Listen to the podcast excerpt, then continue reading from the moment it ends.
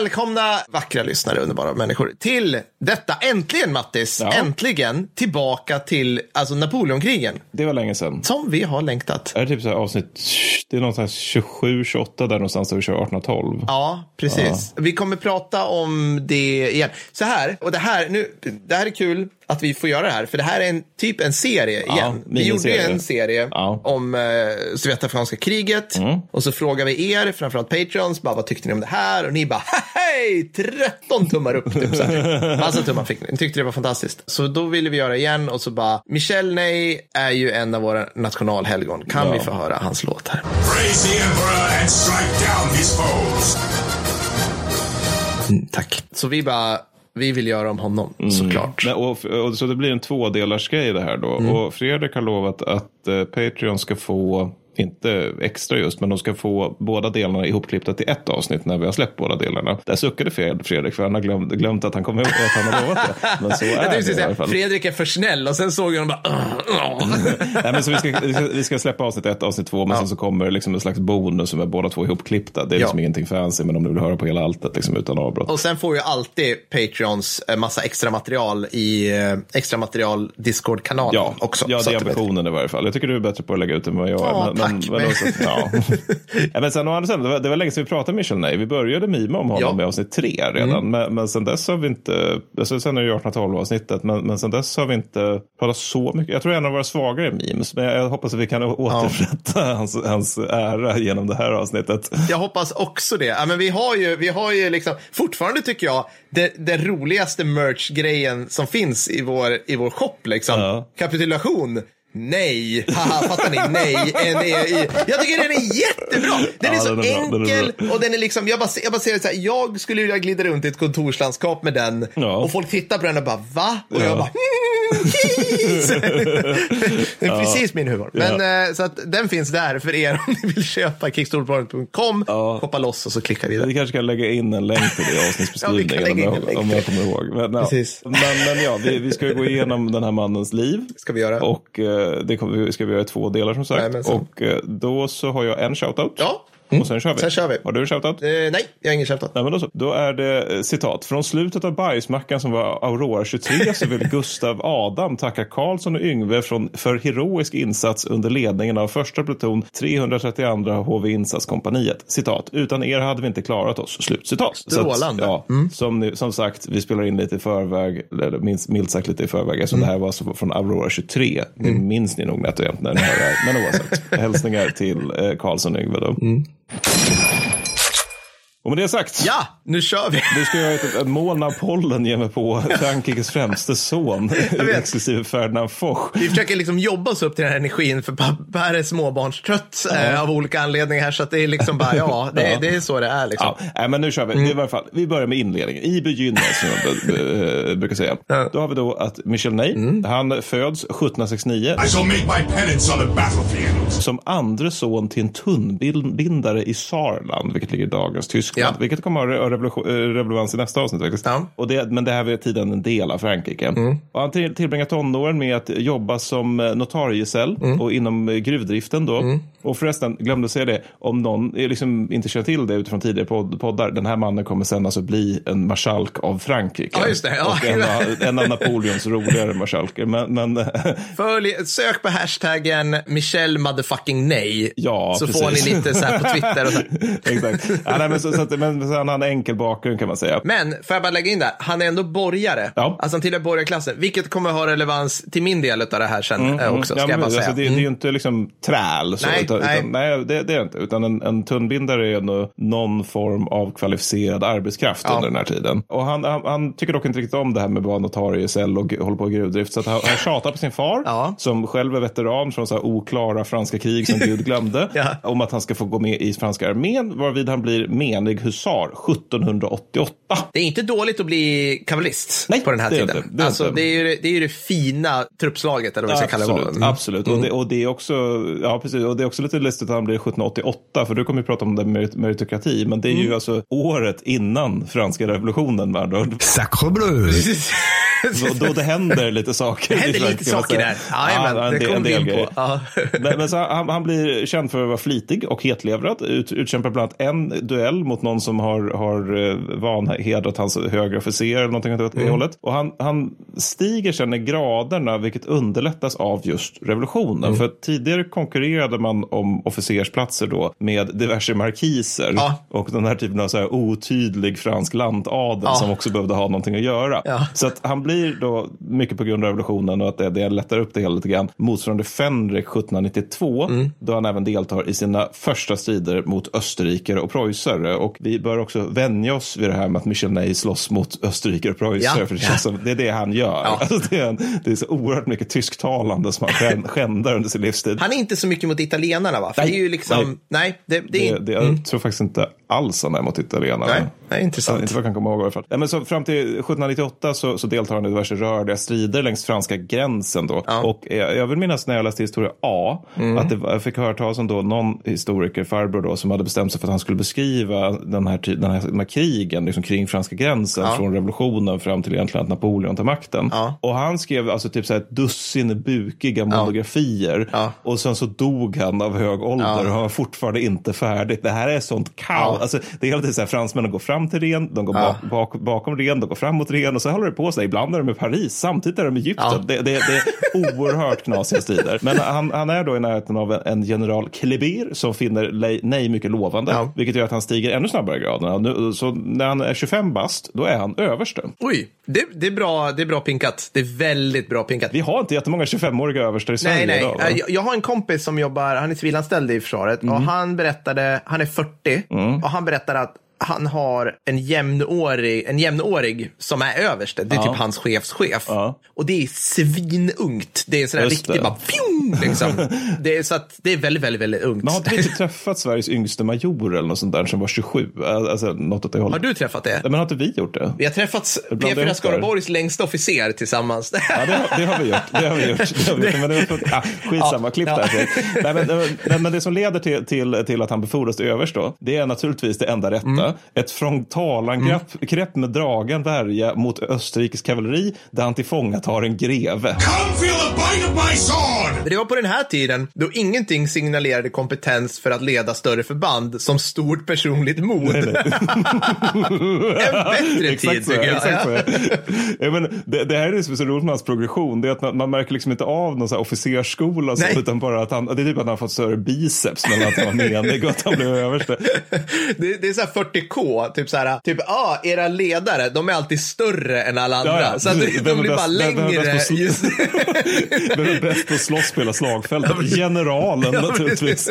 Ja, men, ja, men så dessförinnan har ju naturligtvis bland annat anfört 30 kavallerister mot 200 kavallerister och vunnit, för varför inte? Och han är också, men, men trots det här då, så han är känd inom armén i den mån han är känd för att vara intelligent och ha ett bra taktiskt sinne. Ja, så. Alltså, ja. han, han, han, är duktig på liksom, den här typen av lägre strid, krigföring. Då. Ja. Och som sagt så är liksom, alltså, striderna som följer längs gränserna är väldigt, röriga mm. historier där liksom, fransmännen går framåt och går bakåt, samma ställen belägras om och om igen. Och Neys uppgifter under de här bataljerna är huvudsakligen att utgöra arriärgarde ja. eller förtropp. Ja. Alltså det, det är det han gör. Han är antingen längst fram och, och köttar eller också är han de, den som håller tillbaka österrikiska horder ja. som försöker liksom ge sig på den närrika franska armén. Får jag bara koppla in en kortis bara, jag mm, lovar. Mm, mm. Alltså så här, varför pratar vi, så här, vad är nappe? För jag vet att folk, liksom, vi har sagt Napoleonkriget. Så här, kära lyssnare. Ja. Om ni tycker att det är lite konstigt, som jag tyckte innan jag började researcha, så här, varför, varför typ så här, det, det, så här allas, alla liksom, historieböcker, dokumentärer, poddar, allting om Napoleonkrigen är liksom tonvikt vid liksom Waterloo mm. och sen går det bakåt och så blir det mindre och mindre och mindre och mindre och mindre om det. ja. Och sen slutar det typ 1806. Mm. Och vi som vet lite mer, vi bara, men Nappe var ju igång länge, men det är ungefär att från tidigt 1790 till typ 1806, mm. det Napoleon gör, mm. det är typ att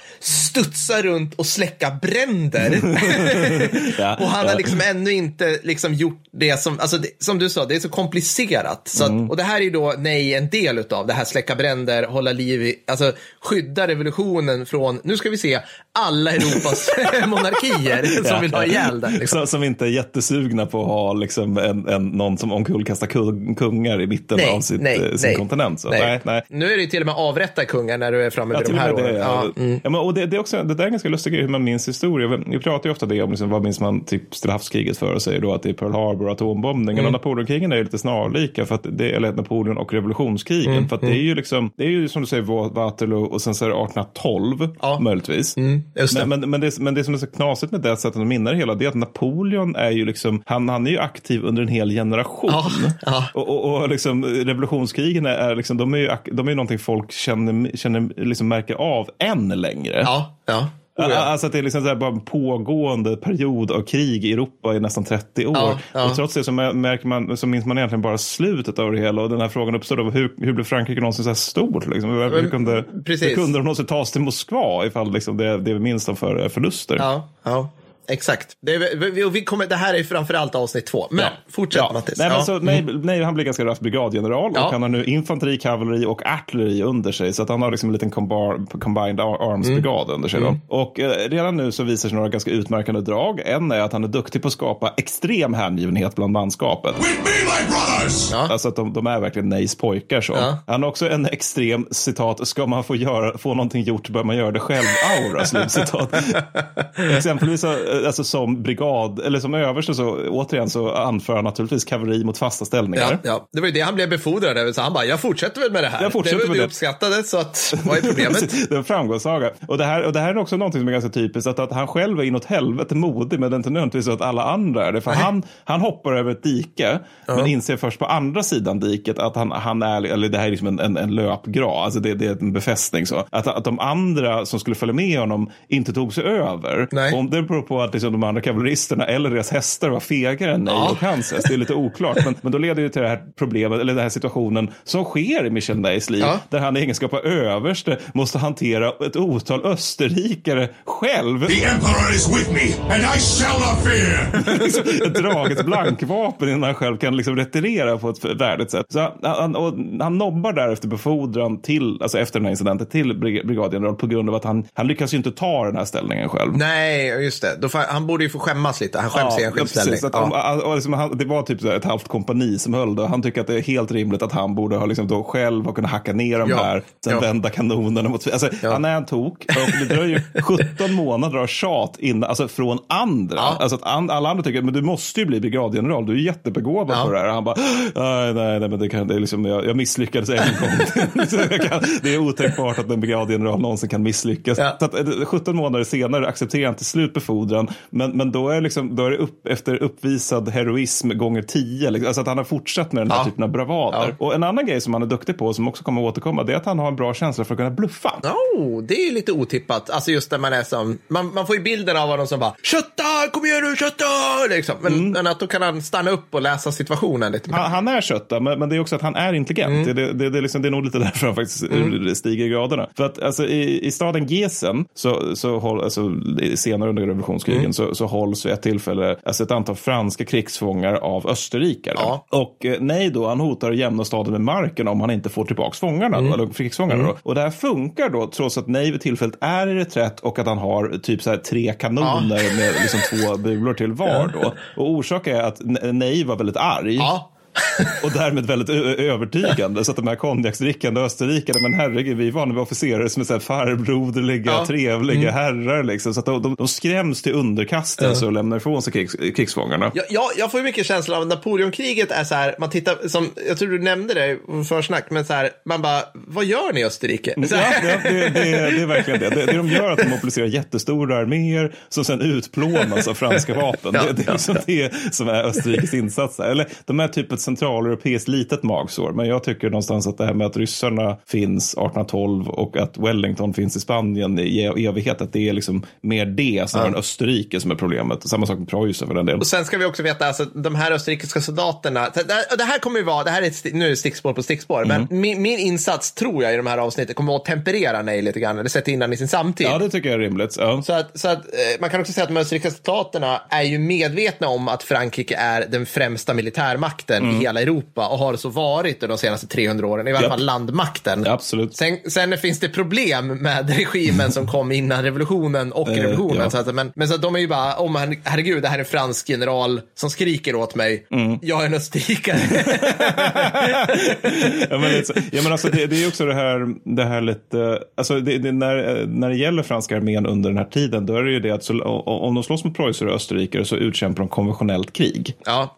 Och då vinner de. Det är typ så enkelt det är. Alltså, de, de, de vinner i konventionell strid. Framförallt, in, alltså, de här gränsstriderna är inte nödvändigtvis så, men framförallt sen när vi kommer till Napoleon-eran, då är det liksom, ja, fransmännen dyker upp i spetsen, de vinner. Ja. Men när de slåss mot ryssarna 1812, då, är de, alltså, då blir det den här typen av, så här, vi, vi, vi, vi fryser och somrar oss ihjäl hela fram och tillbaka Ja. till Moskva och nere i, i, på Iberiska halvön, där är det typ gerillakrig. Alltså, det, det, är inte, det är inte den typ av krig som fransmännen är duktiga på att utkämpa. Nej. Men en, ett annat utmärkande drag för mig det är att han har väldigt svårt att ta motgångar. Det kanske vi anar där med att han inte lyckas ta en typ en skans själv. För att 1798 blir han nämligen tillfångatagen av just österrikare. Jaha, ja, okej. Mm. Han hamnar då i en djup depression. Ja, givetvis. Ja, givetvis. känner sig oduglig och misslyckad. ja, ja, det såklart. Och det, krä- det krävs då att han ska bli utlämnad och befordrad till divisionschef för att han ska bli glad igen. för att resten av franska krigsmakten är så här, jag vill tänka på de omständigheter där du blev tillfångatagen. Ja. Så är det nog bra om du får en befordran för, för mödan. Liksom. Alltså pr- pratar vi liksom om så här, han hade dräpt 18 stycken österrikare själv och sen gjorde resten så här böghög på honom. Och så han bara, Ja, men jag är, alltså, så, här, så, så, han typ svimmade av syrebrist och då, alltså det är den enda lösningen jag ser, den enda förklaringen jag ser. den Liksom. typen av sammanhang. Då. Ja. Men, men så, vi ska nu prata lite grann om hans tid som divisionschef, men du hotade med att gå igenom den förrevolutionära franska armén. Jag har jag verkligen kanske hotat med det. att göra det. ja, precis. Nu kan vi få höra, kan vi, kan vi få höra någon så här kammarstråkmusik från franskt 1700-tal. Nu mina damer och herrar ska vi prata ancien regime. Den gamla regimen. Och det här är väldigt enkelt. Alltså, det här är all konsthistoria, typ. för för ja. att det här är, innan, innan Nappe och innan revolutionen så var det x antal franska kungar som hette Ludvig någonting. Och alla, du har sett bild, har du sett bild på en eller porträtt på en så har du sett alla. De är så här stora, svulstiga, stort lockigt svart hår, Ja, peruk ja. såklart. Och sen en sån här satans hermelinfäll bara. Och det är Ludvig någonting till någonting. Alla är plus 10, alltså i sin tronföljdsgrej och sådär. Så, vi ska prata lite om det. Så här va, Nej är ju ett barn av revolutionen. Han hann ju, han hann ju bli husar ett år innan den liksom började dra igång. Men Jajamän. revolutionen pågår också under typ tre år, alltså som är liksom kaoset. Så det är rätt lång tid. Men varför blev det revolution då? Ja, jo, ja. Eh, vänta, det ska farbror Per berätta. Välkommen till Utbildningsradions åtta timmars avsnitt om franska revolutionen. Alla högstadiebarn. Så, det här kan jag... Nej, alltså jag bara skojar. Jag kommer inte prata det. Någonting med bakelser, säg bara det. Det är lätt Alltså det, alltså. det, är bakelser, det, är bakelser, skatter, ett bra ord att kasta ur dig om du ska skriva en uppsats om det här, samt upplysningsidéer. Så, så, äh, det här också va, det står upplysningsidéer någonstans Ja, det, det, Kom igen, ja, men, du har ju ja, lätt... ja, men absolut. Det är bara så fruktansvärt komplex fråga. Ja, så det att är- vi hinner inte gå igenom den på den halv minut som är Ja, avsatt. ja. Men Ja. Ska du vara hipster runt middagsbordet eller på krogen så kan du också kasta in modernitetens oupphörliga gång. För så här är det lite grann. Att, och det, här är, det är det här som är komplex nu, som Per bara handwave. Liksom. För en, en någorlunda utbildad befolkning, nåja, det är alltså franska befolkningen på, på den här tiden, slutet av 1700-talet, plus ett monetärt system, plus tillväxt är lika med krav på ett hyfsat rationellt system. Det blir liksom, det blir en slags, jag ska inte säga perfekt storm, men det blir en slags, men ungefär som globaliseringen är ja, idag. visst, ja. Att det är någonting som bara sker. Isar smälter och globalisering pågår. Ja. Det är liksom så här, det, det, ja. Solen går upp, det är inte så mycket åt, åt saken. Nej, precis. Och är det någonting som Ancien Regime inte var? Det var många saker. Det var ärorikt, det var mycket pälsar, det var- det var stora slott, men det var inte rationellt på en fläck. Extremt stora krig för att ta liksom, en liten bit av Belgien. Eh, det, det är exakt. också så här återkommande. Ja, ja, alltså så här, de var bra, Ancien Regime var bra på att typ producera syfilis hos sina adelsmän, men inte på att ha transparenta skattesystem. Nej, nej, det var de inte. Alltså, Frankrikes administration under den här tiden, eller brist på därav, skattesystem, juridiska system, lagstiftning och allting får liksom Sydvietnams militära byråkrati att framstå som ett under av transparent och effektivitet. Och det där var den nördigaste liknelsen jag någonsin Mm, gjort, ja, men det var det jag hade i det. huvudet. Ja. För jag har nyligen spelat in, vilket avsnitt är det om Arvin? 125? Ja, 125 tror jag. Ja, mm. vi tar den. Ja, precis. Så lyssna på det så förstår ni vad jag menar. Det var, extrem, det var väldigt medeltida. Mm. Alltså, vi pratar liksom, du och jag har skattat i något avsnitt någon gång om att Sverige hade liksom inhemska tullar. Ja. Så här, om du ska åka mellan Östergötland och Småland, då, då kommer du få tulla. Självfallet. Helt rationellt. Ja, precis. Ja. Och det här är liksom, det här går inte ens, det, det, då börjar vi nagga på hur komplicerat det var. Och sen, det är inte så att du ska bara tulla mellan två län. Alltså så här, landshövding A ska ha och landshövding B ska ha, utan nej, nej, nej, utan du passerar också så här, alltså olika kyrkliga inrättningar som ska ha sitt, här, biskopen i Reims ska ha en kyckling för att du ska korsa den här floden. Och sen, sen går det hundra meter. Munkarna i Bordeaux vill Ja, ha ost. De vill inte Ja, ha pengar, vill ha ost. Vill ha Men du måste ge dem det. Ja, alltså det, det är så hopplöst. Så, och det som de blodbesudlade protokommunisterna slash frihetskämparna i revolutionsrörelsen till sist landade i var en mer centraliserad stat. Det Ja. var lite grann det, det de ville ha upptäckt att de behövde. Och det här är kul, för det var precis det som kungamakten under typ de tre senaste Ludvig hade jobbat för Ja, på riktigt. visst, visst. Alltså mot adelns liksom vilja och, och kyrkans vilja. Men de hade försökt det. Så att, mm. Det, det, en del i det där var ju ibland, alltså det är väl för sig tidigare, det är väl under 1500-1600-talet där någonstans, Mm. men det var ju att kungarna gjorde sitt yttersta för att avmilitarisera adeln. Ja, just det. Mm. Alltså att Ludvig XIV stora gärning var ju så här, ja, nej, men ni, alltså det, innan hade man ju sett till så att ni får inte ha privatarméer. Nej, Liksom. nej. Men, men hans grej var ju också att ni, ni ska liksom sluta vara krigaradel och bli liksom istället den som är, liksom passar upp på kungen. Att det ska vara en ära i Ja. sig att vara kungens typ uppassare. Precis. Så det blev liksom en allt mer pimpinett-adel då. Ja. Med, med, ja, inte som i Preussen eller Sverige där den bara blev allt mer galen. Nej. Men, men, ja,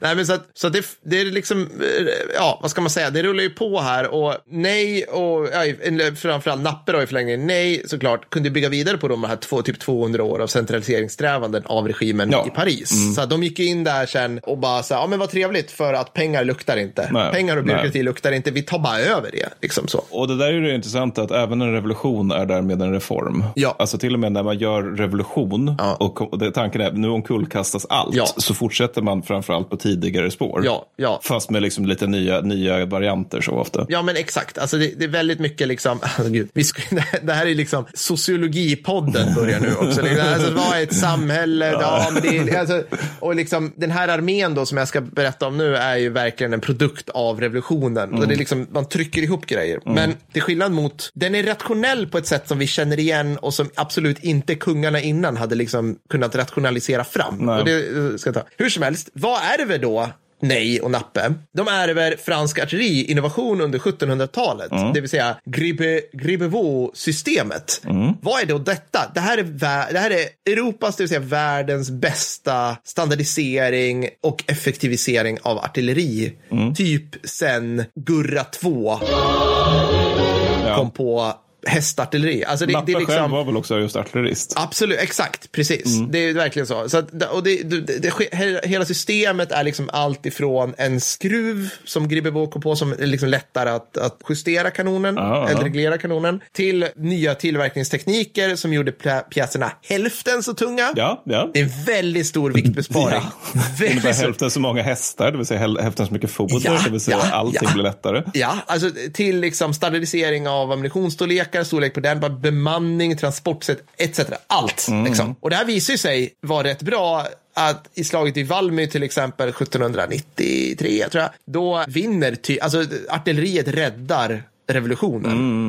I, I praktiken. Mm. Och det är intressant, som artilleri på den här tiden brukar man ju tänka sig som ganska, liksom, mm, alltså mer som en understöd, ja, inte som en avgörande funktion som det är under första världskriget, utan Nej. mer som en så här, du vet, de är också där, Ja. de tillfogar fienden förluster, men inte, inte att de liksom räddar en revolution. Nej, nej precis. Det, det är intressant där. Vi ska prata mer om artilleriet i nästa avsnitt. Men, men liksom, det Nappe gör, det Nappe gör och som Nej drar extrem nytta av fast han är, eh, fast han är kavallerist. Det är att Nappe nyttjar, han nyttjar nästan artilleriet som ett, liksom, som ett genombrottsvapen mot, mot fiendens linjer. Medan fienden, då Österrike, Preussen och så vidare, de liksom portionerar ut sitt artilleri och är rätt defensiva med det. Känner vi igen det här nyttjandet av vapensystemet? 1940 40 tänker jag spontant på. Men, ja, Ja, ja, ja, det, var ju, det var ju en väldigt intressant liknelse. Ja. Eller hur? Fast Eller det är jag, fransmännen jag som bara, gör mot panser. andra. ja, ja, exakt. Ja, nej. Sen har vi då, alltså det här, nu är inne på hipstriga grejer. Om någon säger, Nappe var ju rätt bra, Mm. då skakar du besserwissert på huvudet från och med nu, Mattis. Och säger så här, mm, nej, alltså han hade varit en skicklig härförare på regional nivå, men absolut ingen Europaerövrare om det inte hade varit för Berthier. Och du, jag vill att du uttalar det Berthier, så att, så att folk förstår att du verkligen... Vem var det här? Be, ja, alltså, Berthier var mannen som la grunden till den moderna militära staben. Mm, eventuellt bra person att ha. Ja, alltså, han, var, han var en otroligt duktig fältherre i sig själv, men han, han var det bästa exemplet i historien på hur en stabschef ska fungera och bete sig. Idog, intelligent och en orubblig känsla för detaljer, en förmåga att hålla en miljon bollar i luften och givetvis att alltid säga sanningen. Så att han fick liksom briljera i det här och kunde liksom då, ska jag säga, baka in och möjliggöra Nappes geni, helt enkelt. Och organisera allt det här Ja, runt. men som en bra, bra stabschef ska göra. Ja, precis. Och liksom, han var i princip motsatsen till MacArthurs kofta Sutherland. Jesus, what a clusterfuck. Som du kan lyssna på i Stora Stilla havspodden. Ja. Stora Stillattpodden. Och det han gjorde då, och det här känner vi igen, det är liksom att säga så här, okej, jag är uppe i liksom, eh, det, nu ska vi säga, Imperial Staff, eller något sånt där hette det, Imperial Household Staff. Det var liksom de som, som hängde närmast Napoleon, 1500 pers. Men sen givetvis så tog de ju det systemet och reproducerade ner på lägre nivå. Så att nej hade, och det här, det här skrivs ingenstans, vad jag har sett. Han var ju såklart inbakad i kompetent stabspersonal. Vi kommer faktiskt komma lite grann till hans syn på stabsarbete. Men vi kan bra. säga så här, upphöjt ointresse Ja. till förmån för bajonetter Ja. var en del av det hela. Det, Ja, men precis. Okej, nu skriker alla sluta prata halvcivila töntiga grejer Per. Hur vad hände med armén? Bajonett, avant, ära. Okej, i den armé som Nej gick med i 1788 såg det ungefär ut så här. Kavalleriet. Mm. Mattis, revolutionen hade hänt. Är du med på det? ja, jag är med på det. Mm, du är med på det. Mm. Det drabbade kavalleriet, alltså Ancien Regimes kavalleriet, på ungefär samma sätt som en pali- polispatrull med kort tålamod och för lite kaffe i kroppen som ramlar in på en lite för högljudd tonårsfest. Ja, ja, ja. Festen är slut. Ja. alltså, nu. Så, så här, nu. Ba, fjäder, batong på stereo och sen är det klart. Ja, alltså, ja, det är ja. liksom, alla blir spiknyktra omedelbart och går hem. Det, det var lite väl mycket markiser i kavalleriet då kanske. För att, Alltså, så, det, det är liksom, bara att börja med, två hela regementen Ja. emigrerade omedelbart. Eller vad man ska säga, alla, liksom, i princip alla officerare över plutonsnivå stack. ja, ja. Blev fängslade och eller avrättade. Ska jag säga det. Men man hade heller inte råd med utrustning. Dyrt. Eller hästar. Ännu dyrare. Mm. Så vid tiden för första koalitionens anfall mot Frankrike bestod kavalleriet av en hög pappersförband Mm. med maximalt halv styrka och tre, eh, tveksamt stridsvärdekompetens. Mm. Så för att baka in, baka in Neys meteorkarriär kan jag säga så här. fanns inte jättemånga andra att Nej, välja på som kunde rita och föra aningen befäl Ja, över ja. andra människor Nej, som kan det, rita. det, det måste ha varit en bra morot för, för att börja liksom, eh, ta från, från the ranks. Så. Ja, precis, precis. Infanteriet, här var lite bättre. Majoriteten av alla officerare var adliga, så uppemot 80 procent stacken då. Men det fanns också officerare från borgerskapet. Och det här var jag inne på med borgerskapet som kommer nu vara som en liten röd tråd i hur man bygger upp mot det som vi pratar mer i avsnitt två, Le Grand Armé. Och dessa hängde kvar tillsammans med största delen av manskapet. Och till detta kom en stor, entusiastisk och inkompetent hord av frihetstörstande frivilliga. Som man raskt i de här tidiga krigen insåg var fullkomligt meningslösa på slagfältet. För De dog i väldigt stor omfattning. de dog i väldigt stor omfattning. Och liksom på den här tiden, alltså det var, vad ska man säga, det, det var ännu, det var nästan ännu mer motsatsen till så warrior-grejen. För att du kan absolut inte freebasea Nej, dis, själv. disciplin är ju allt i den här tidens Disciplin är krigföring. exakt allt. Och liksom, alltså exercis. Liksom. Ja, pre- Och ja. blind lydnad för att få effekt i de här töntigt ineffektiva flintlåsmusköterna. Liksom. Mm. Ja, men det var ju typ det som var Preussens framgång under Fredrik den stores tid. Att Exakt. de var bra på exercis. Ja. De, kan bara, de kan marschera så jävla snabbt. Och så, liksom, men också att själva taktfastheten är i sig en poäng. Liksom, Ja. det gör att man, man, förbandet kommer bete sig på samma sätt Exakt. oavsett hur det går. Ja, ja, det, det är helt sant. Alltså jag skulle säga att de här fristörstande frivilliga, de hade ju hellre, de hade gjort sig bättre i moderna krig Ja, ja, ändå. visst. Ja, men nästan, precis, liksom. ja. Så det, det fransmännen gjorde då, eller liksom, allt det här styrs på så här toppnivå i Paris Ja, för övrigt ja. Mm, av liksom l'ensemble eller något sånt där som består av ett gäng livrädda, alkoholiserade, blodtörstiga revolutionärer. Det de gör, de börjar blanda de här rutinerade bataljonerna då, för det finns kvar, Mm. med rookies, så kallade demi-brigade, där kompanierna innehöll då 40 volontärer blandade med 20 veteraner. Mm. Och demi-brigaderna, och det här nu börjar vi smaka lite på det som faktiskt blir så här det geniala, ja, vad ska kalla det, geniala strukturen på Napoleonarmén. Det är att de är rätt, de är rätt stora, Mm. med 2400 man, men de ansågs vara den minsta stridsenheten. Just det. Just om jag har förstått det. kan här. genomföra i självständiga operationer. Så. Exakt, och det här är viktigt för att det är, det är liksom flera gånger större än motståndarnas minsta stridsenhet. Och då kan man ju tycka så här, ja, ja, men det måste finnas för och nackdelar med det då. Liksom. Att så här, det kanske fanns en poäng med att du hade, alltså, på alltså 2400 man, om vi tittar på stora nordiska kriget, det, var, det, är liksom, det är större än de flesta regementen. Mm. Som skulle då vara enskilda, de är mycket större skulle jag vilja påstå. Jo, de är väl ofta bitvis. så här tusen man där någonstans. Alltså, Ja, de- de- precis. Och oftast understrength såklart. Ja, ja. Liksom.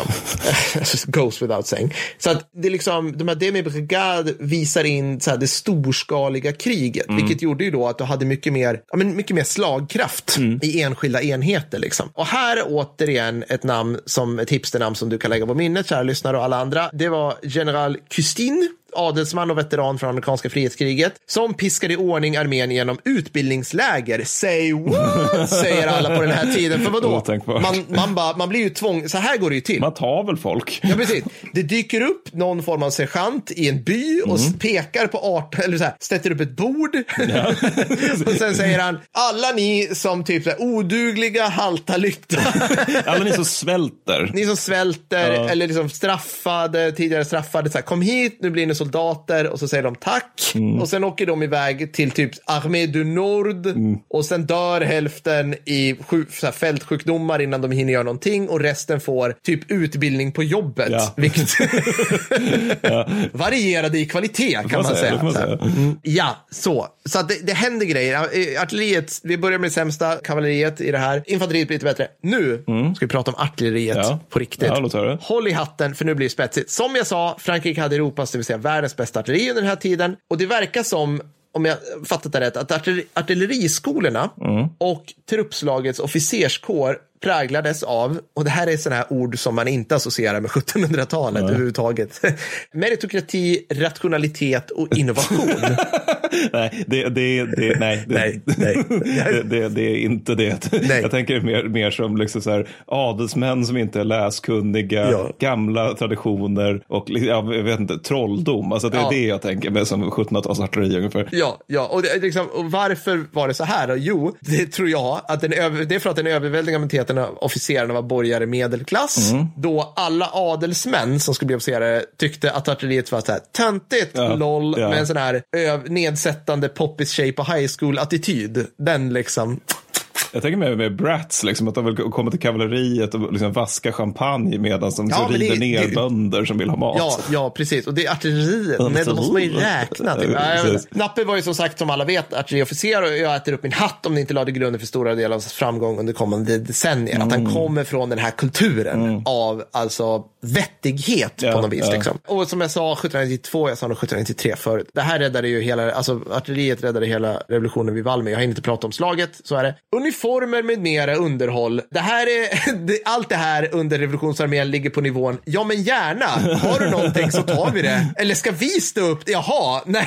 Alltså, alltså det är ju, det är liksom, du har, du har de gamla regementena och de gamla alltså veteranerna från Ancien regim, de har sina liksom kungliga vita uniformer. Ja. Sen kommer liksom så här, eh, den, liksom, den frivilliga Per, han dyker upp i sina mjukisbrallor. Sen- Sen har vi Mattis som kommer fast i blå uniform. Ja, ja. Ja, alltså det, är, det är helt, det är totalt eh, upp och ner. Liksom. Det är ganska färgglann skapelse helt enkelt. Ja, och jag menar liksom, den är det också liksom att, vad ska man säga, orderstruktur, alltså armén och en produkt av revolutionen, ergo fick man det sämsta av alla ska få bestämma vägen också, det vill säga ordervägran, rösta om vilka ordrar man vill följa. samt fragging. Det, det, alltså, det är så roligt att det där, det där dyker upp från och till. Alltså, i- det, alltså, ryska armén hade ju också det under den tidigare revolutionen. Ja. Just det här, vi får rösta vilka order vi ska lyda. Ja. Det är lustigt där hur det aldrig håller i sig så länge. Nej. Nej. Man har idén att så här ska vi göra i egenskap av en demokratisk styrka och så ser man att det funkar inte jättebra. Nej. Alla dör när vi gör så här. Jag skulle vilja veta, kära lyssnare, hör av er om ni vet en enda gång i historien det har funkat. Ah, nej. det skulle vara liksom... Vill ni försöka göra det här jättefarliga tillsammans med mig? Nej, det vill Nej, vi inte. nej. Vi, vill, vi vill hem. Helst inte. Alltså, mer än en fransk general, alltså, alltså plural franska generaler mördades av sina soldater. ja, okej. Så med allt det här är jag så här, hur fan överlevde den här revolutionen? Men eh, hur som helst, det här, är, alltså, det här gör ju också politisk kaos i det här. Och det är det att vi är i ett utrotningskrig mot alla de som vill, som vill rulla tillbaka revolutionen, säger då l'ensemble i Paris och börjar en stor propagandakampanj i hela, i hela landet. Och det är rätt coolt för att, alltså så här, det här ger ju då, det ger upphov till två saker. Det ena är liksom så här, och det, det kommer jag in på mera här snart när vi börjar prata värnplikt. Det, det är liksom att så här, alla, ska, alla ska bidra. Det andra är ju såklart en enorm nivå av paranoia fostras för att du har bra generaler, Mattis, som Nappe, ja, ja. som gör bra ifrån sig. Och då sitter Adam i Paris och bara, Alltså vi, vi är ju lite, vi har lite koll på vad som hände med romarriket va? Eh, det här med bra generaler som kommer tillbaka. Så såklart så ska vi som alla liksom revolutioner som sen ballar över och vi börjar hugga huvudet av folk, börja med sådana här rent fascistiska hittepån, det vill säga politiska kommissarier slash spioner. Ja, ja. Du conseil exécutif. Ja, ja. som skulle hålla koll på att officerare, särskilt sådana som tjänstgjort under kungen, höll sig lojala.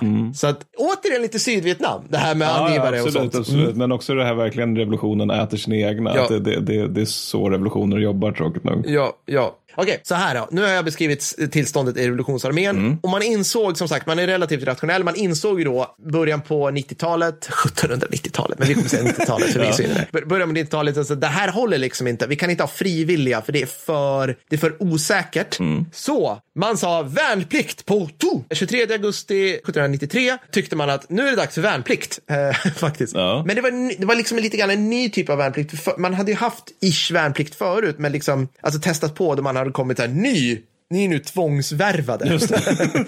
Du var full på en bar. Här kommer, kommer kungens liksom, fogdar och säger vill du bli... Ja. Exakt, och det var värnplikt. Liksom. Ja, men, precis. men det här var en ny typ av värnplikt för att det, det här var liksom en slags start på vad idag skulle kalla totalförsvaret Ja. som är rätt coolt. Och det här är nu, jag nämnde de här politiska kommissarierna, att så här, vi stampar igång landet. Men nu är det faktiskt så att ogifta män mellan 18 och 25 ska ut i kriget. Mm. Punkt. Okej? Fair enough. Men alla, alla ska bidra till krigsinsatsen. Det, det, här gjorde man det. liksom inte förut. Alltså kvinnor och gifta män, de ska tillverka vapen, de ska sy uniformer, de ska generellt bara stampa fram logistik. Alltså, Trolla med knäna nu, nu lite grann. Trolla med knäna, hej, men vi är fattiga bönder, det skiter vi i. Så den här armén ska man... Ja, så, äldre män, det här tycker jag är spexigt, skulle på riktigt alltså gå ut, ställa sig på offentliga platser och agitera för hur viktigt det var att försvara Frankrike-revolutionen samt att de unga männen gick typ i fädernas spår. Ja, var det liksom. också att de äldre männen skulle liksom också förklara hur man slåss? Ja. Alltså att de skulle Ja. delge så här veterankunskap alltså för utbildningen då, eftersom officersadeln har sprungit sin väg. Ja men typ så. Jag menar, jag tycker det är bara, alltså hela samhället ska Ja, bidra. visst, visst, visst. Alltså, det finns säkert så här, det kan säkert vara så här gamla kvinnor, ja, förutom att bara laga mat till alla över tid så ska ni också typ så här klappa folk på huvudet och säga vad duktig du är. Mm. Klart du ska iväg och typ så här bajonetta preussare. Absolut. Liksom. Ja. Äh, men så det är kul. Vi kommer ju prata mer om, om liksom vad värnplikt genererar, Mm. kan jag säga. Men alltså, bara mellan Ja, det, det blir mycket folk fort, Ja. kan jag säga. För det bor 27 miljoner människor i Frankrike på men den här det är ju tiden. fördelen med värn- med värnpliktssystem, Ja, att man får en ja. köttmassa. Liksom. Ja. Sen så är det ju lite Sen är inte alla värnpliktssystem lika, så att säga. Eller de, Nej, är inte, nej. de är inte lika bra. Lystring alla frankofilheads. Gösta säljer biljetter till hans Gribevo artilleriskola. Det är ungefär som de här Gränsforsbruk-yxorna ni vet som man åker upp och gör sin egen. Fast ni kommer att gjuta era egna 1700-talskanoner och sedan provskjuta dem under konjaksdränkta former i diverse skogsbryn och liknande. Allt emot mannekänger med Putins ansikte på. Det här är ju synd att jag hittar på för det här är varit kul att göra här på riktigt.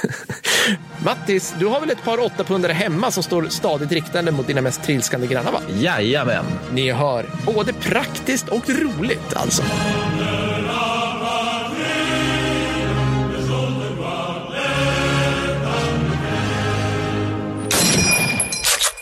Men, men det är så det är en kaotisk tid som nej verkar i gud, under ja, hans gud, ja. tid. men, men, det är ja. också, men det är bra att du tar upp det, för det är också det som möjliggör nej för att vara nej. Liksom. Alltså att Ja, han precis, behöver ju den här precis. typen av meritokratiska system, och han behöver också den här typen av köttmassa. Men som sagt, då, jag ska fortsätta lite grann med nej, nej själv då, herr nej. För som sagt, så, han blir divisionschef efter att han har kommit ur sin få- fångenskap, Ja. men det här tar lite tid att gå igenom. Ja. Och det går igenom först under nästa krig med Österrike, som inleds nästan med en gång. För det här är också en del av de här tidiga krigen, eller egentligen en del av Napoleonkriget. Är liksom att de har krig mot Österrike Mm. Ja. och sen blir fred i liksom två timmar Ja. och sen kommer nästa krig med Österrike. Alltså det är så här hela tiden. Så om vi någon dag skulle köra hela Napoleonkrigen i en podd-podd, då är det typ så här 48 timmars sittning bara för att re- re- reda ut diplomatin bakom det.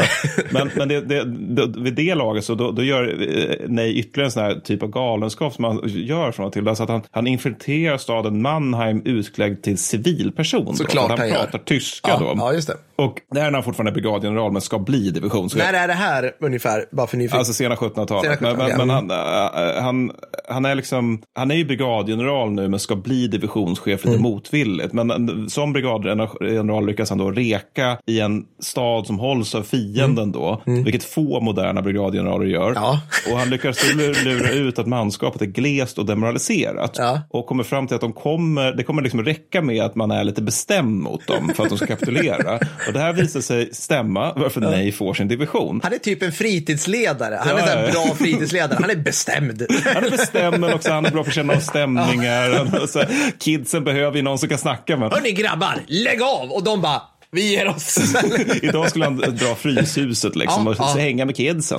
nej, men, nej, men, eh, men ja, alltså, så han får sin division, eller snarare så här, han, han får ju den, men sen tackar han nej till divisionen i ett brev som går både till Nappe och krigsministeriet. Och krigsministeriet, de tittar på det här bara, alltså den här blygsamheten, det är ju ytterligare ett skäl till att du ska bli divisionschef. Ja. Och besvärar nejs brev då med en order om att bli divisionschef.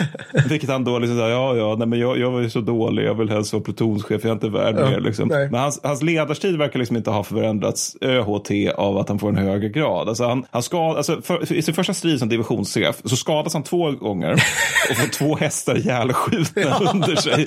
För det här med att vara Nejs häst, det är någonting som man är ganska kort tid Ja, kan jag säga. ja, det är synd om. Nejs hästar. Vi kommer återkomma till det.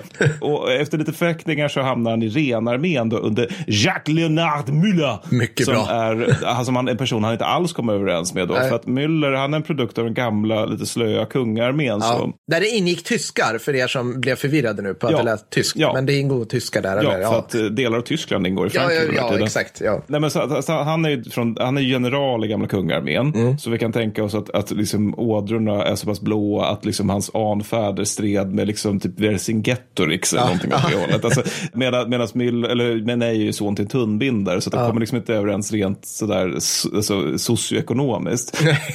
Komma överens socioekonomiskt. Vad bra Nej, liksom ja, men, ja, men Müller kan ju liksom föras vid en middag medan nej är lite Ja. mer så här, mat är gott. Så jag, Ja. men jag brukar, det är som du vet, han burnar upp med sin hä- häst vid McDonalds eller Max eller någonting Ja, bara för att trycka i sig någonting som han kan gå ut och Precis. svina med. Ja, men han har så här fyra stycken monster i sina sadelväskor Ja, för ja. han vill hänga med, med bassarna.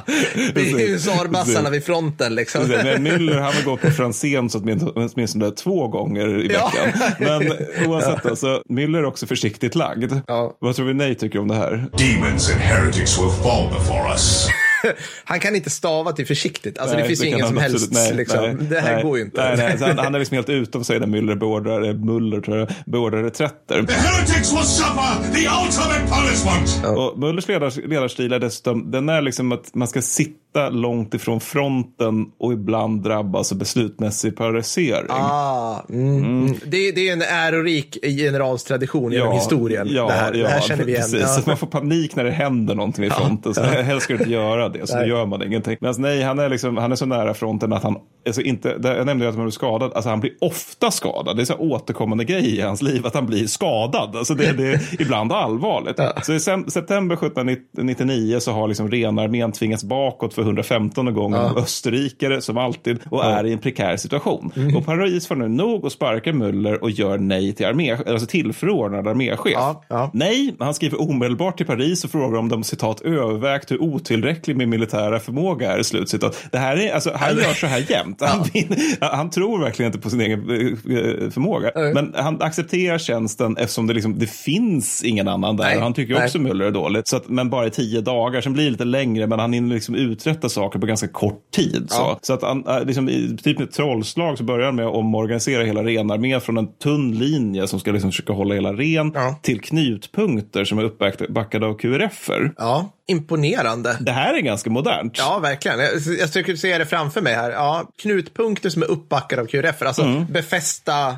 Ja, liksom pseudobefästa. Alltså, Ja, du har, ja. no, exakt, alltså, du har liksom någon form av halvbefästa, inte, inte murar, men Nej, liksom nej, att nej. du har liksom grävt ner det lite grann. Sådär. Ja. Och sen finns det snabbinsatsförband som kan, kan slå där det behövs. Så Ja. det, det, är liksom, det, det är ju modernt krig. Absolut. Ja, ja, visst. Han skyddar sina, sina tillbakadryckningsvägar och sin Ja, main supply road och allt vad det kan heta. Ja, Liksom, sånt där. men, men sen är det att han slåss ju mot österrikare, så att det här är helt onödigt för de sitter bara passiva och liksom äter choklad och liksom sniffar på sina humidorer. Varför nej då naturligtvis blir aktiv. Han angriper därför längs hela fronten, Ja. vilket får österrikarna att tro att han är mycket starkare än vad han är. Ja. Österrikarna flyr då naturligtvis och nej lyckas då på några dagar ta tillbaka allt det som Muller har tappat och lämnar ifrån sig armén i oktober 1799. Ja, ja. Till, tillbaka i sin division då så deltar han sen i invasionen av Tyskland. Och Frankrike här, har liksom, alltså, de har ju då återigen tryckt tillbaka över Ren, men nu är de öster om Ren igen. Igen. Alltså, det, det, är så, så här håller det på hela tiden. Och, och den här invasionen kommer liksom, som omväxlings skull då, mot de här jojo-effekterna över Ren så kommer den här invasionen faktiskt föra fran, fransmännen långt in på tyskt territorium. Okej. då. Mm, Eller heliga romerska imperiet, men ja, skitsamma. Ja, Ni fattar vad jag ja, menar, kära Nej,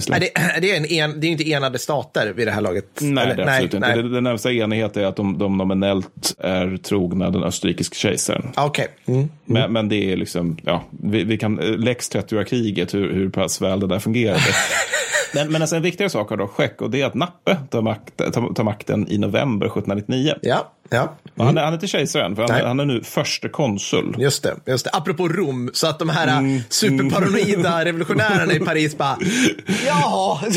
Ja, jo, men det här, det här så här liksom franska revolutionen som var på NKVD var fullt rimligt. Ja.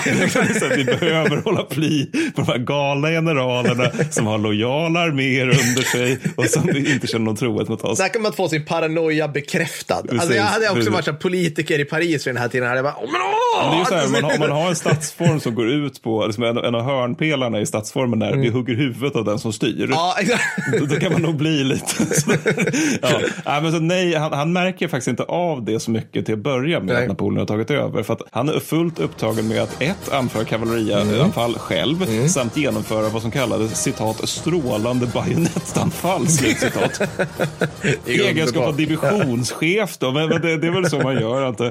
Men det här har ju liksom konsekvenser naturligtvis, alltså att Nappe tar över. Ja. För Nappe, han, han, är, han är ju en sån som förordar snabbhet i agerandet. Ja, mm. Det, det är en av hans stora grejer, att han, han är snabb i besluten, han är snabb i, i marschen, han, han, han gillar snabbhet, för han Mm. förstår att om vi är snabba kommer vår långsamma fiende inte ha tid att agera Nej. och då kommer vi kunna förgöra honom. Ja, också väldigt modernt Ja, alltså, ja, tankesätt. Ja, nej, men alltså, vi har ju utnämnt många till att vara de som uppfinner det moderna kriget, Ja. inklusive G2A. Men alltså, Nappe är ju helt klart en contender. Ja. För, för, för att just det där med förgörandet av fienden, det är också en grej som både Nappe och för den delen även Nej, plus också Nejs kollegor på Ja. divisionsnivå, de, de är just ute efter det. Alltså, Mm. de, de är ute efter att få fiendestyrkorna på plats och sen ska vi förinta dem. Ja. Men, men, men det, medan det finns liksom, det, det finns mellan Nappe och hans divisionschefer så finns det ett skikt av högre, ofta lite äldre generaler som är mer inne på klassisk 1700-talskrigföring. Mm. Och den här går, går ut på att man ska ta ganska små risker och så ska man liksom manövrera bort fienden. Ja. Så alltså att det inte är det här clausewiensianska liksom förintelseslaget utan Nej. man ska liksom trycka bort honom från den terräng man vill ha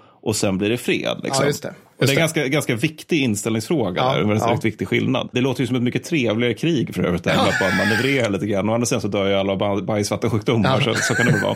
Men, men nej, han utmärker sig naturligtvis i detta sammanhang som en mycket aggressiv divisionschef, känns som att jag inte ens behöver säga det. Han spelar bland annat en mycket viktig roll under slaget vid Hohenlieden december 1800. Okej. För det här, till- vid detta tillfälle så sjunger då franska soldater med fästa bajonetter marseljäsen när de angriper numerärt överlägsna österrikare och vinner naturligtvis. Det här är liksom peak Frankrike tror jag. Åh, vad vackert. Ja. Får vi höra en marseljäser? Ja, jag får ju sådana här underbara Karoliner-vibbar här. Alltså, det, Ja, jo, men det finns en släktskap där, det gör det högsta grad. Men nej, han, han är dock han är sjuk under här tiden. Under, under nästan hela det här fälttåget är han sjuk. Då. Han har ansökt vid två tillfällen om permission för att han ska liksom kunna få den här lungpesten eller vad det nu han har, att, att bli lite mer under kontroll. Så. Och eh, kallas då antingen tillbaka i förtid eller får bara rakt av avslag för att det är fullt krig vid fronten, vi behöver alla vi kan. Ja, Liksom, var man som har en stålbit i handen behövs och du har en stålbit i handen och det är som division över det, kör. Ja. Så det dröjer till våren 1801 innan han får permis och då hänger han majoriteten av det året på en gård som han har köpt. Och det här är liksom en, en, en, jag tar upp det för att det här är liksom en, en stund av icke-krig för Neys del. Och det är väldigt ovanligt. Ja. Alltså det, det, det, det vi ska liksom tänka oss, alltså det är också en sån del av det här med Napoleonkrigen, att man måste liksom på något sätt tänka att för vissa individer så är kriget en total vardag. ja, ja. Alltså är du general under Napoleon, då är liksom ditt jobb är krig och det är det du kommer göra tills du dör. Och nej, i högsta grad en sån. Men jag tror att någon, vem var det? Vad hette han som spöade Napoleon, alltså vid Waterloo? Cornwallis eller något sånt där? Nej. Wellington. Wellington, förlåt. Nej men exakt, han, för någon sa bara, ah, hur spöade du Napoleon? Han bara, nej men man lär ju sig hur han gör för att vi har stridit emot han i typ 20 år. ja, men, alltså, det, det är Ja, liksom, ja. man till slut så kan man ju det. Alltså det var ju verkligen, Ja, ja. men det, det, är- ja, det, det är ju en, en rimlig reflektion. Ja. Nej, men så, så, så att han har, han har liksom en liten stund av lugn och ro här, då, så att, eller lite lugnare så, så att han blir liksom inspektör för kavalleriet. Mm. Han, han överväger att åka till Santa Domingo, eller San Domingo där de har så här, herrejösses pestkrig liksom, mellan Frankrike och liksom random, random styrkor som finns på Ja. San Domingo. För det här är på sätt och vis ett världskrig. Ja. Han, men istället åker han till Schweiz för att hålla lite pli på schweizarna. Mm. Men i den här liksom lite mer fridsamma perioden så gifter han sig också. ja vad trevligt. Okej. Ska vi gå Ja. igenom hans liv så måste vi naturligtvis gå igenom hans äktenskap. ja. Och det, det är inte heller helt oviktigt faktiskt. För, att det, eh, alltså, för det är det på det personliga planet. Och Han, han, han gifter sig då 1802 med en Aglais Auguy. Okej, det är helt normalt namn tror jag. Ja, men alltså det, det, frans, fransmän är bra på att skapa namn som verkligen inte går att uttala. Nej. Det här hör till den kategorin. Och Aglais hon är liksom motsvarande hovdam till Napoleons fru Josephine. Ja. Och Josephine hon vill gifta bort Aglais med Nej för att knyta Nej närmare Napoleon. ja, ja, ja. Mm. För nu är ju Nappe kejsare va? Han, börjar bli, han är det snart. Ja, ja. Mm. Och, och orsaken är då att Na- Nappe han har ju liksom, han har kon- kontroll då, men han har också konkurrenter. Mm. Du nämnde ju det här med att det finns kvar liksom högre officerare Mm. som faktiskt kan konkurrera med Napoleon under den här tiden. Och, och det, det, det, det gäller även här. Då. En av dem är Sean Monroe som är Neys gamla chef i renarmén. Och Mm. ergo vill, man, vill liksom Josefin ha Nej på Nappes sida. Det, det här är ju den här typen av ränkspel som är ganska komplicerade men inte helt oviktiga Det var ju heller. typ det som man ville bli av i revolutionen misstänker Ja, jag. Alltså, ja. så här, liksom, nu, nu är det Versailles all over again, fast med andra Newcast liksom- bara liksom.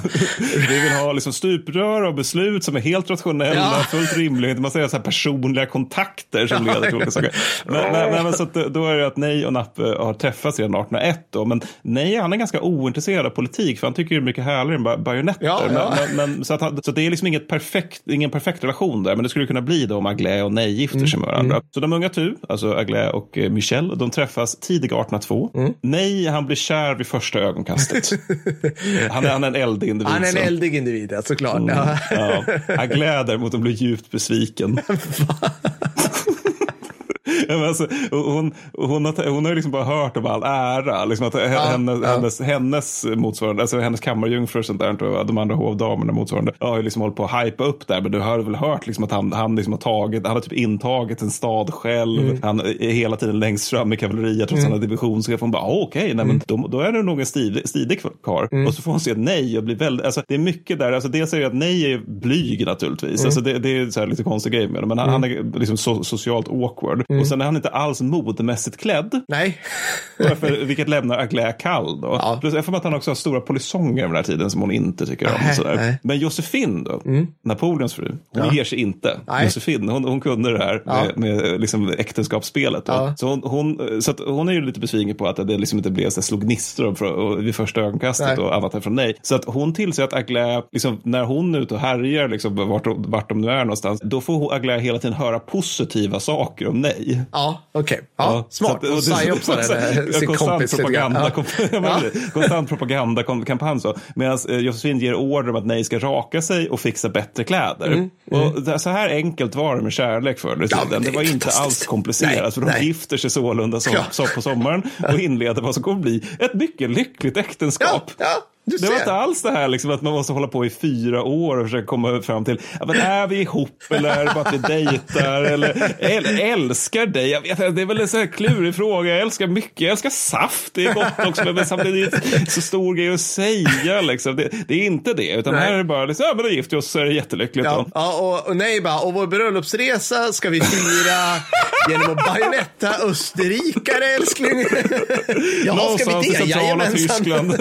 Du får ett infanterikompani, det blir oerhört romantiskt. Exakt, ja. Nej, men, och de får fyra barn då, där de två äldsta sönerna faktiskt tjänstgjorde som officerare i svenska armén under 1820-talet. What? Vilket bara lite, lite, Okej, ja, lite ja. trivia. Så. Och Aglé, hon, hon, hon följer med, därefter med mig på de flesta av hans resor. Mm. Dels med i Schweiz då, när han är där och även liksom i fält från och till. Ja. Och hon verkar ha varit, eh, alltså inte bara i konstanta fält, men från och till i fält. Hon verkar ha varit rätt lätt att ha att göra med, för hon får liksom nya vänner överallt. Och det är liksom så lite så här, jag vet inte, som ett dåligt manus där. Alltså att det är så här den blyge, tråkiga killen som har en begåvning och så, så här manic pixie dream girl som dyker upp i gula stövlar med paraplyer på och är besatt av fyrar och liksom socialt frigjord. Alltså den, den typen av story. Så det, Gar, Garden State är det jag tänker på. Spelas alltid av Zoe Deschanel och sen är det...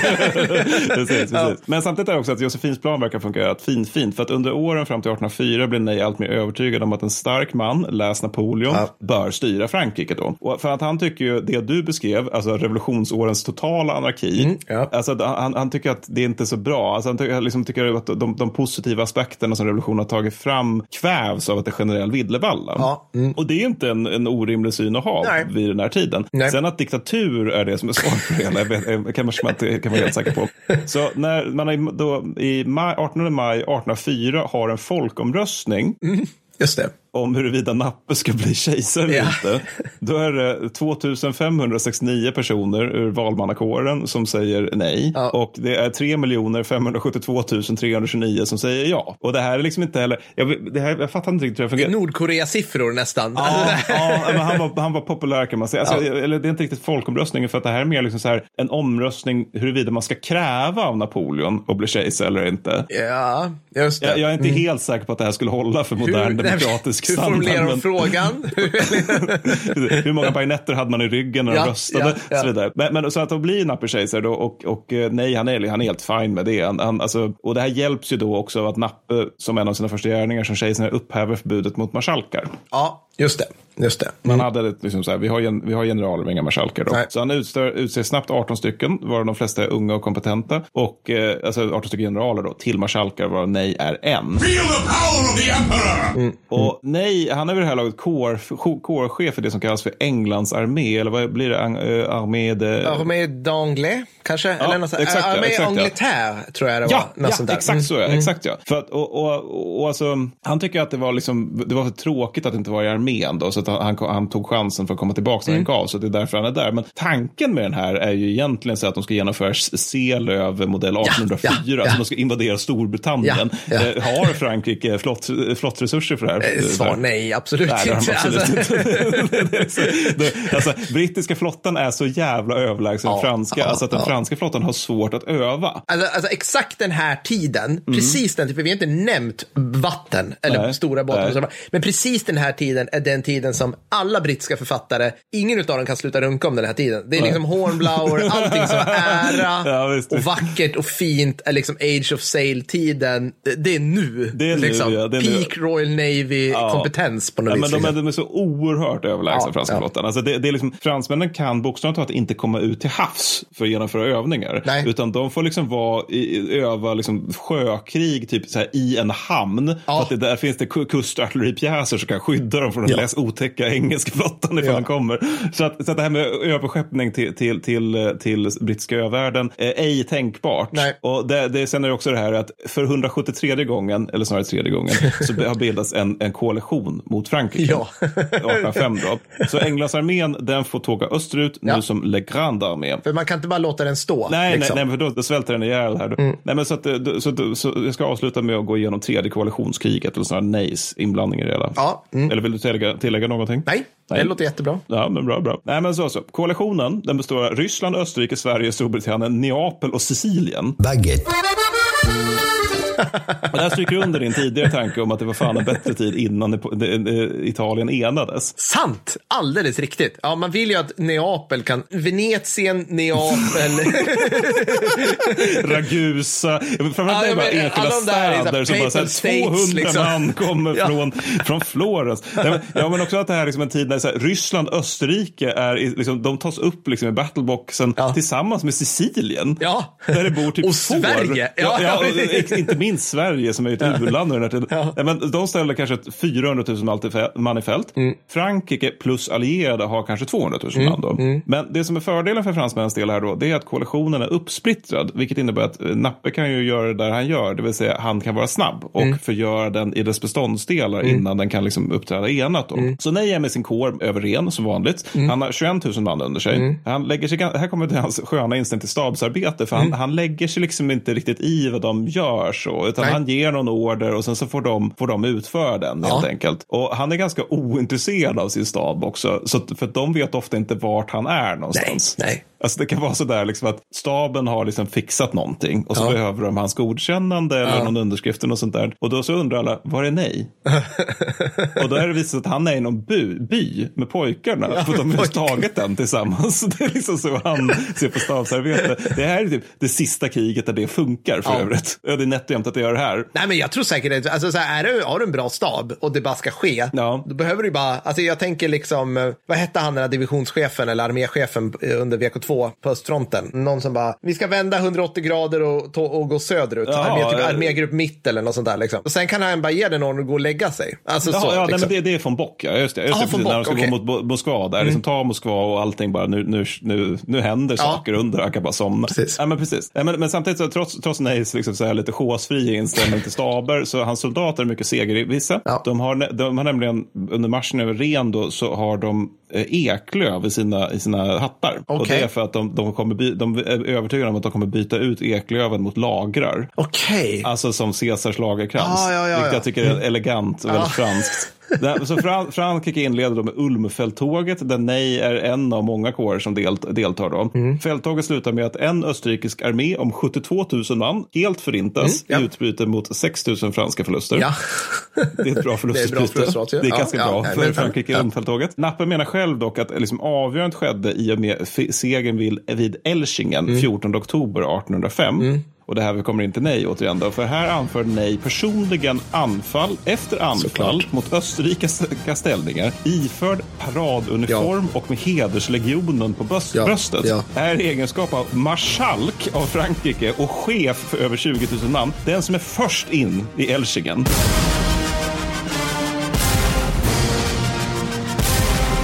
Alltså det här är så mycket ära att jag, jag skruvar på mig på stolen. Alltså det är, det är, så, det är så franskt så jag vet inte vad jag ska ta vägen. Är, Nej, men så, så det hela, hela slags Elchingen kostar då Frankrike 854 man och man förväntar sig mer ifall de angriper liksom frontalt mot österrikiska ställningar. 854, ja okej, ja. Ja, Österrike tappar 6 000. Ja. så, så kan det vara. Alltså 854 man, det, alltså de förlorar alltså mer per dag PGA vin och ramla av hästar. Mars. Ja, ja. men- nej, men precis. Nej, men så, och sen så fortsätter han att sparka röv då, men missar tråkigt nog, för, vilket han grämer sig över slag till Austerlitz, som Mm. Napoleon själv brukar se som sin största seger. Men han kan trösta sig då med att tredje koalitionskriget byts till det fjärde koalitionskriget samma år som man vinner i det tredje. Och därmed så avslutar vi denna första del av Michel motherfucking Nej. Jajamensan.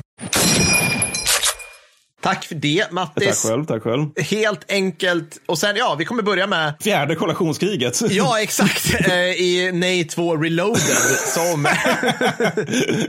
Nej, The Revenge. Och då ska vi dra det lite snabbt. Det kommer då alltså om två veckor, va? För vi har extra avsnitt emellan Ja, för bara patrons. Nej, återigen, svinkul att vara tillbaka i 1800-talet. Det är en knasig tid. Jag är helt, uh, oh, fransk ära. Marskalkmyset står på sin höjd. Jag vet, jag vet. Det är, inte fint det här. Det är inte fint. Nej, det-. Tack för att ni har lyssnat. Stort tack. Och så hörs vi snart igen. Hej då. Ha det gött.